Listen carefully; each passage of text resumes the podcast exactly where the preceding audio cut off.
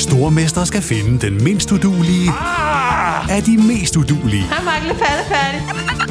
Sammen to papkasser. Åh, oh, nej, Mark. Må jeg ikke ringe til min mor? Stormester. En chance til. Det er ikke på nogen måde behageligt.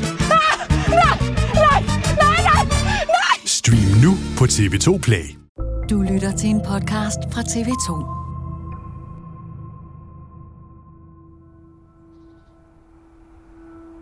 Jeg lå hjemme i min seng på Vestergade og opdager, at jeg har fået en beskedanmodning fra et navn, jeg ikke kan genkende. Det er en fremmed svensk kvinde, som har skrevet til mig. Og hun skriver, Hej, jeg har et spørgsmål til dig. Jeg spørger mest af nysgerrighed, og du behøver ikke at øh, svare, hvis det er for privat eller noget. Men jeg undrer mig over, om du kender Andreas Holm. Og så øh, svarer jeg bare, hej, hvorfor spørger du? Hun skrev, at hun kunne se, at jeg øh, havde, havde boet i hans lejlighed. Hun beskriver, at han er blevet tiltalt for en række forbrydelser. Og jeg ender med at spørge, øh, hvad han er tiltalt for. Og så sender hun mig bare et link fra øh, Expressen, som er sådan den svenske pangdangen til Ekstrabladet, vil jeg sige. Jeg kan bare huske, at jeg åbner det der link Nytorgsmannen og læser noget på svensk og tænker, hvad er det lige er kommet ind på? misstänkt för våldtäkter mot 24 kvinnor. Og så kan jeg bare se billederne af min lejlighed. Det var i den här lägenheten i närheten av Nytorget på Södermalm som de flesta av våldtäkterna har ägt rum. Og sådan nogle rigtig blitzede politibilleder. Med en seng, der er helt tilrodet, og et værelse, der er helt i uorden. Og sådan, det ligner, der, der er sket et eller andet. misstänkt för att ha filmat våldtäkter på sovande kvinnor som tros ha varit drogade. Og så ser jeg bare overskriften. Sveriges værste serie voldtægtsforbryder. Og så gik det amok.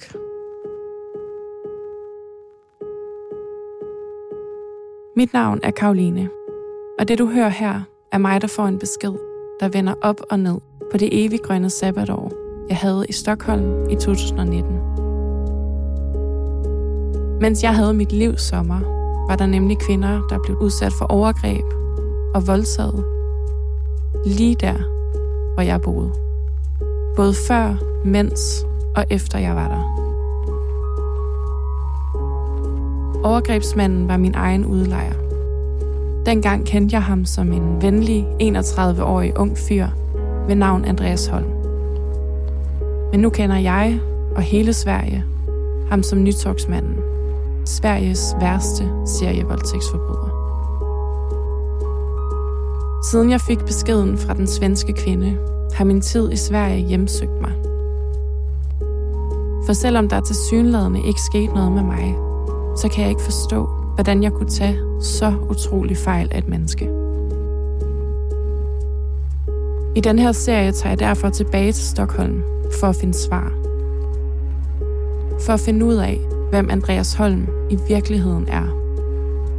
Om det var meningen, at det skulle være sket for mig. Men først vil jeg fortælle min historie.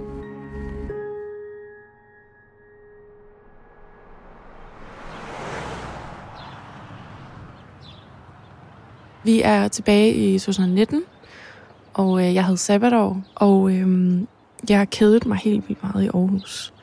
Jeg synes, det var vildt steneren at skulle have sabbatår, og så skulle arbejde i et eller andet supermarked. Øh, og sådan bruge min energi fra gymnasiet på det. Og øh, så tænkte jeg, jamen jeg har da været i Stockholm en gang. Øh, der var ret smukt. Det, det kan jeg da gøre igen. Og så øh, skulle jeg jo finde et sted at bo. Og øh, som man jo gør, så skrev jeg bare ud i alle mulige Facebook-grupper, øh, som jeg meldte mig ind i. Og så var det faktisk, så havde jeg jo faktisk fået en besked fra Andreas Holm, øh, som jeg ikke havde opdaget. Han havde sendt en masse billeder af lejligheden og af gården og området omkring lejligheden, og havde skrevet meget sådan formelt, ligesom hvordan lejligheden så ud, og hvad det kostede, og hvor lang tid, og bla bla bla. Så det var en meget sådan formel, ordentlig besked, jeg fik. så skynder jeg mig at skrive til ham, og skrive, beklager, at jeg ikke har set din besked, men jeg vil virkelig gerne øh, komme forbi og se lejligheden. Jeg er meget interesseret.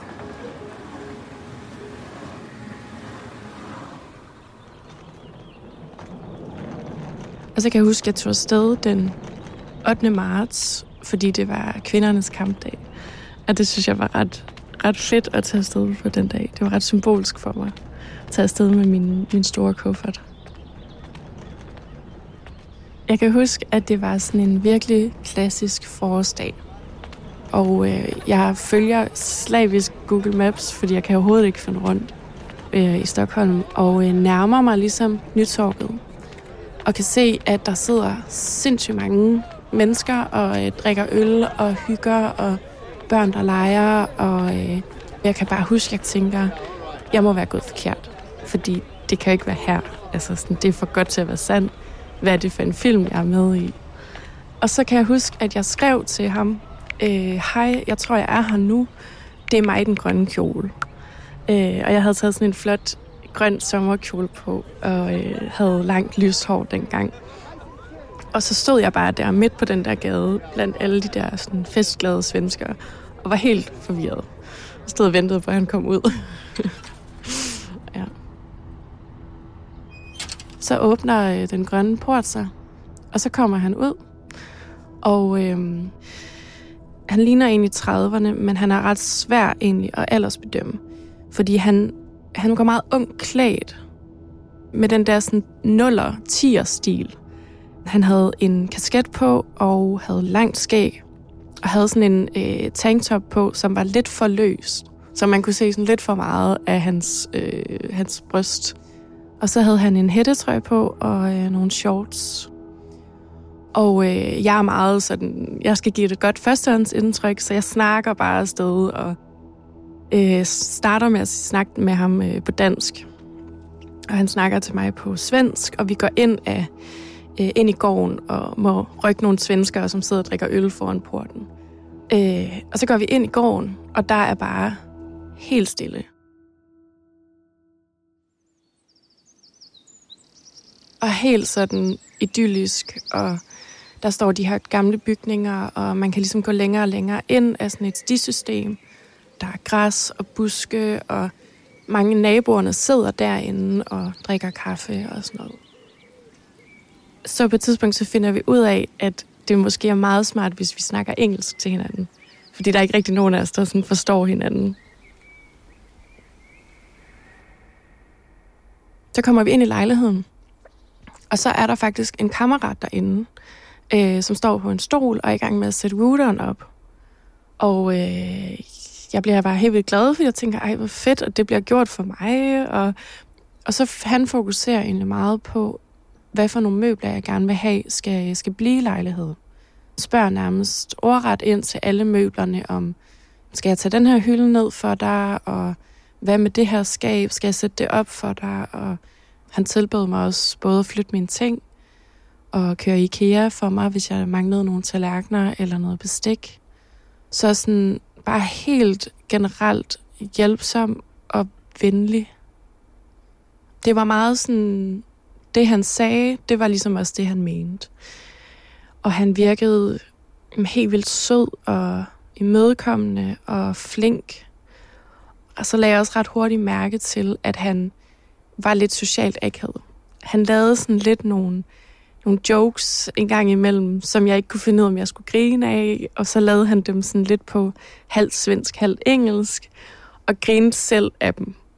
Øhm, og igen, jeg vil gerne gøre et godt indtryk, så jeg forsøgte også at grine. Øhm, men meget hurtigt sådan i vores relation, så kunne jeg også godt begynde at sådan prikke lidt til ham, og være sådan, drille ham lidt med, at jeg måske egentlig ikke synes, han var så sjov igen. Øhm, men det virkede som om, at sådan hans, hans humor, om den var sjov eller ej, at den, den kom fra et godt sted. Øhm, og han virkede meget som om, at han gerne ville have, at det skulle være en god oplevelse for mig. Så, øh, så byder han mig faktisk på en øl øh, derinde. Øh, sådan nogle virkelig dårlige svenske øl. Øh, generelt havde, har Sverige virkelig dårlig øl. Men øh, jeg drak den for at, øh, at være i, i stemningen og, øh, og, og lige have et, sådan et øjeblik, hvor jeg også lige kunne høre lidt om ham. Og øh, jeg spurgte ham om, hvorfor han skulle flytte fra, fra den her fantastiske lejlighed. Øh, og så fortalte han mig, at han skulle til Nord-Sverige i noget tid, i nogle måneder, øh, fordi han skulle op og arbejde som DJ. Og øh, det passede i mit hoved egentlig meget godt til hans image, og, og det indtryk, jeg havde af ham, at selvfølgelig arbejder du også som DJ. Så blev lejligheden min. Og øh, efterfølgende, så, øh, så skrev vi meget sammen, og øh, vi havde ret tæt kontakt. Og helt generelt i den tid, hvor jeg var i Sverige, der ville jeg beskrive ham som min ven, og en, jeg havde tæt kontakt med.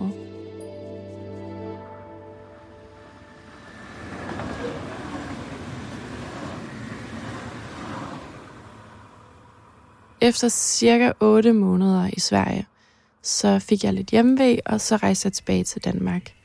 Og øh, jeg var kommet ind på mit drømmestudie i Aarhus, og øh, der var lige sådan et par uger eller sådan noget til, at jeg skulle starte. Og det er så her, jeg ligger i min seng og kigger på min telefon, og får den her beskedanmodning fra et navn, jeg ikke kender. Til sidst så sender hun mig faktisk bare et link til en artikel, øh, og skriver, åbn den her, så forstår du, hvorfor jeg har kontaktet dig. Og så er det, jeg åbner den her artikel, ser overskriften, Sveriges værste serievoldtægtsforbryder. Og jeg kan se det her mugshot af ham, hvor han ser fuldstændig anderledes ud, end jeg husker ham. Han ser bange ud, og han ser, jeg har lyst til at sige skyldig. Og så kan jeg se de her billeder af min elskede lejlighed på Nytorvet. Og det første, jeg lægger mærke til, det er min, mm, altså jo min træseng, hvor jeg sov hver nat. Altså det, er jo, det var jo min seng, hvor jeg følte mig allermest tryg. Og så kan jeg læse, at det er her, at han har drukket og voldtaget, oven i købet filmet de her voldtægter af utallige kvinder. Og jeg kan huske, at jeg først reagerede med at grine. Altså fordi jeg gik i chok og var sådan, jeg bliver nødt til at, at grine af det, eller sådan, jeg, jeg kan huske, jeg sagde nej, nej, nej, nej, nej. Fordi det var så absurd. Og så løb jeg ind til min roomie og sagde, det her det er simpelthen det skete. Og så, og så grinede hun også, og sådan, det var som om det tog os et par timer, før jeg sådan, før det gik op for mig, hvad det rent faktisk, hvad det var, der var, hvad det var, der var sket. Det var ret tydeligt for mig at mærke, at den her svenske kvinde, som havde sendt artiklen til mig, var meget personligt involveret i sagen. Hun deler med mig over de her beskeder, at hun selv har blackouts fra enkelte gange, hvor hun har sovet hjemme ved ham eller har været til fest hos ham. Men beskriver også selv, at, at det er ikke noget, hun kommer til at kunne få bevist. Så er det faktisk hende, der spørger mig. Jeg håber ikke, der er sket noget med dig. Øhm, det er der for mange. Offrene vidste jo ikke, at de var blevet udsat for det eftersom at han har drukket dem og så udnyttet dem, når de faldet i søvn. Og det var først der, at det gik op for mig, Gud, hvad nu hvis der er sket noget med mig? Så begyndte jeg bare at græde. Ja, jeg gik fuldstændig i chok, og det var meget sådan øh, tsunami-agtigt, at så kom alle, alle mine spørgsmål til mig – hvad der skete, hvornår det skete. Er der nogle dage, jeg ikke selv kan huske, eller hvornår, hvor tit mødtes jeg med ham?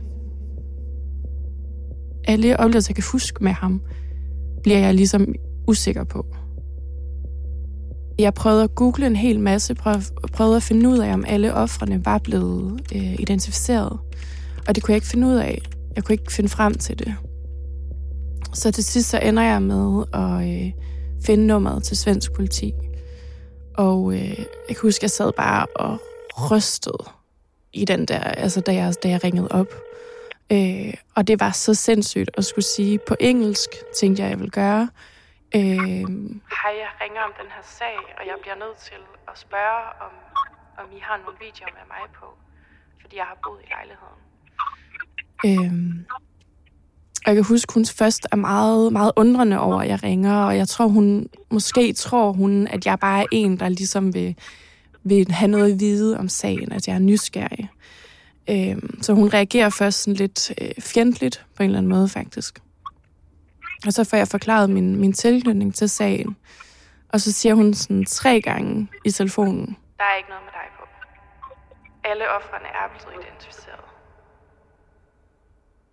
Og så kunne jeg næsten ikke... Øh, så skulle jeg jo sige tak og lægge på, men det kunne jeg næsten ikke, fordi jeg begyndte at græde så meget. Jeg græd og græd og græd. Jeg sad bare i min seng og græd. Det var virkelig... Øh, det var en ret vild situation. Jamen, jeg kan helt fysisk mærke det. Altså, jeg begyndte at kunne trække vejret igen ned i maven. Det var ligesom om den fjern, det fjernede den der, det der slør, der var blevet lagt over min tid i, i Stockholm. Jeg kunne ligesom begynde at stole på mine egne minder igen. Men det gjorde også, at så kom der ligesom, så kom der plads ind i mig til alle de andre spørgsmål, som jeg sidder med nu her. Altså, hvorfor lejede han lejligheden ud til mig? Hvad var hele ideen med, at jeg skulle bo der? Og hvem, hvem fanden var han egentlig i virkeligheden? Fordi jeg blev nødt til at slette alle de ting, han havde fortalt mig, alle de minder, jeg havde med ham, fordi jeg ikke tænkte, at jeg kunne stole på noget af det, han havde sagt længere. Og så var det, at jeg fik den her forfærdelige tanke. Altså, hvordan kan jeg være sikker på, at der ikke er sket noget med mig, bare fordi der ikke er nogen optagelser af det? Men jeg kunne også mærke ret hurtigt, at jeg kan simpelthen ikke gå ned ad den vej, fordi så kan jeg ikke komme videre med mit liv. Så det, der faktisk fyldte allermest for mig, det var den her sådan grundtanke om, hvordan kan jeg have taget så meget fejl af et menneske, som jeg jo betragtede som min ven. Og det var som om i det øjeblik, så bestemte jeg mig bare for, at jeg bliver nødt til at få svar på nogle af de her spørgsmål. Og det er derfor, jeg har besluttet mig for at lave den her serie. Jeg har taget kontakt til en journalist, der hedder Josefine Maria Hansen. Og hun skal hjælpe mig med at fortælle historien. Og hjælpe mig med at finde ud af, hvad der er op og ned i sagen. Øh, Josefine, kan du ikke lige lukke døren? Jo, Jeg skrev til hende, den svenske kvinde i går, Andreas' veninde, hende, der skrev til mig om sagen. Og jeg synes virkelig, jeg har forsøgt at skrive en sympatisk besked, hvor jeg har forsøgt at forklare hende vores projekt. Men hun har ikke lyst til at deltage. Ja, det er lidt ærgerligt. Øhm, hun skriver, at hun er blevet kontaktet af mange journalister, som gerne har vil have informationer af hende. Og hun virker oprørt i sin besked. Hun skriver sådan meget klart, at hun vil egentlig bare gerne have lov til at komme videre med sit liv. Og det forstår jeg jo virkelig, virkelig godt. Mm. Øhm, men det er ærgerligt. Hun har været et godt sted at starte, fordi hun var venner med ham, og hun lader til at kende hans omgangskreds. Og så kender hun jo også tydeligvis nogle af de her andre ofre, som hun måske ville kunne have, have sat mig i kontakt med. Så nu er det lidt som om, at vi bliver nødt til at starte fra bunden af. Ja. Hvad, hvad tænker du? Jeg tænker at øh, skrive til hende, journalisten, som har skrevet den artikel, som hans veninde der sendte til mig. Og måske høre, om hun har lyst til at snakke med os. Ja, det er i hvert fald et, et sted at starte. Ja. Ja, det synes jeg, du skal gøre.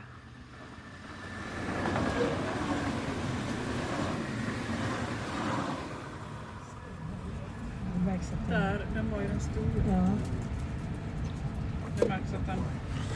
Okay, klokken er lige passeret halv Mm. at. Vi er lige kørt over, over grænsen til Sverige.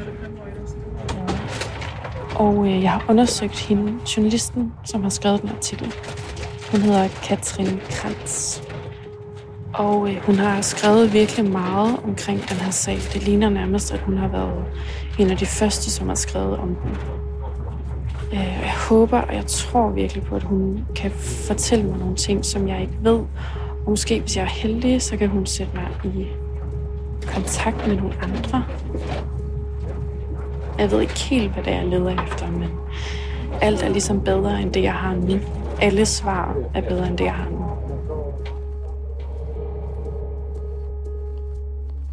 Min Seng er et gerningssted er produceret af Beam Audio Agency for TV2. Tilrettelæggelse og manuskript Josefine Maria Hansen. Lyddesign og kompositioner Ida Skovsgaard. Redaktør Christian Ottenheim.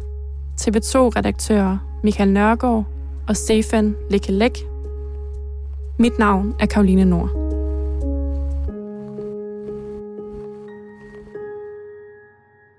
Du har lyttet til en podcast fra TV2.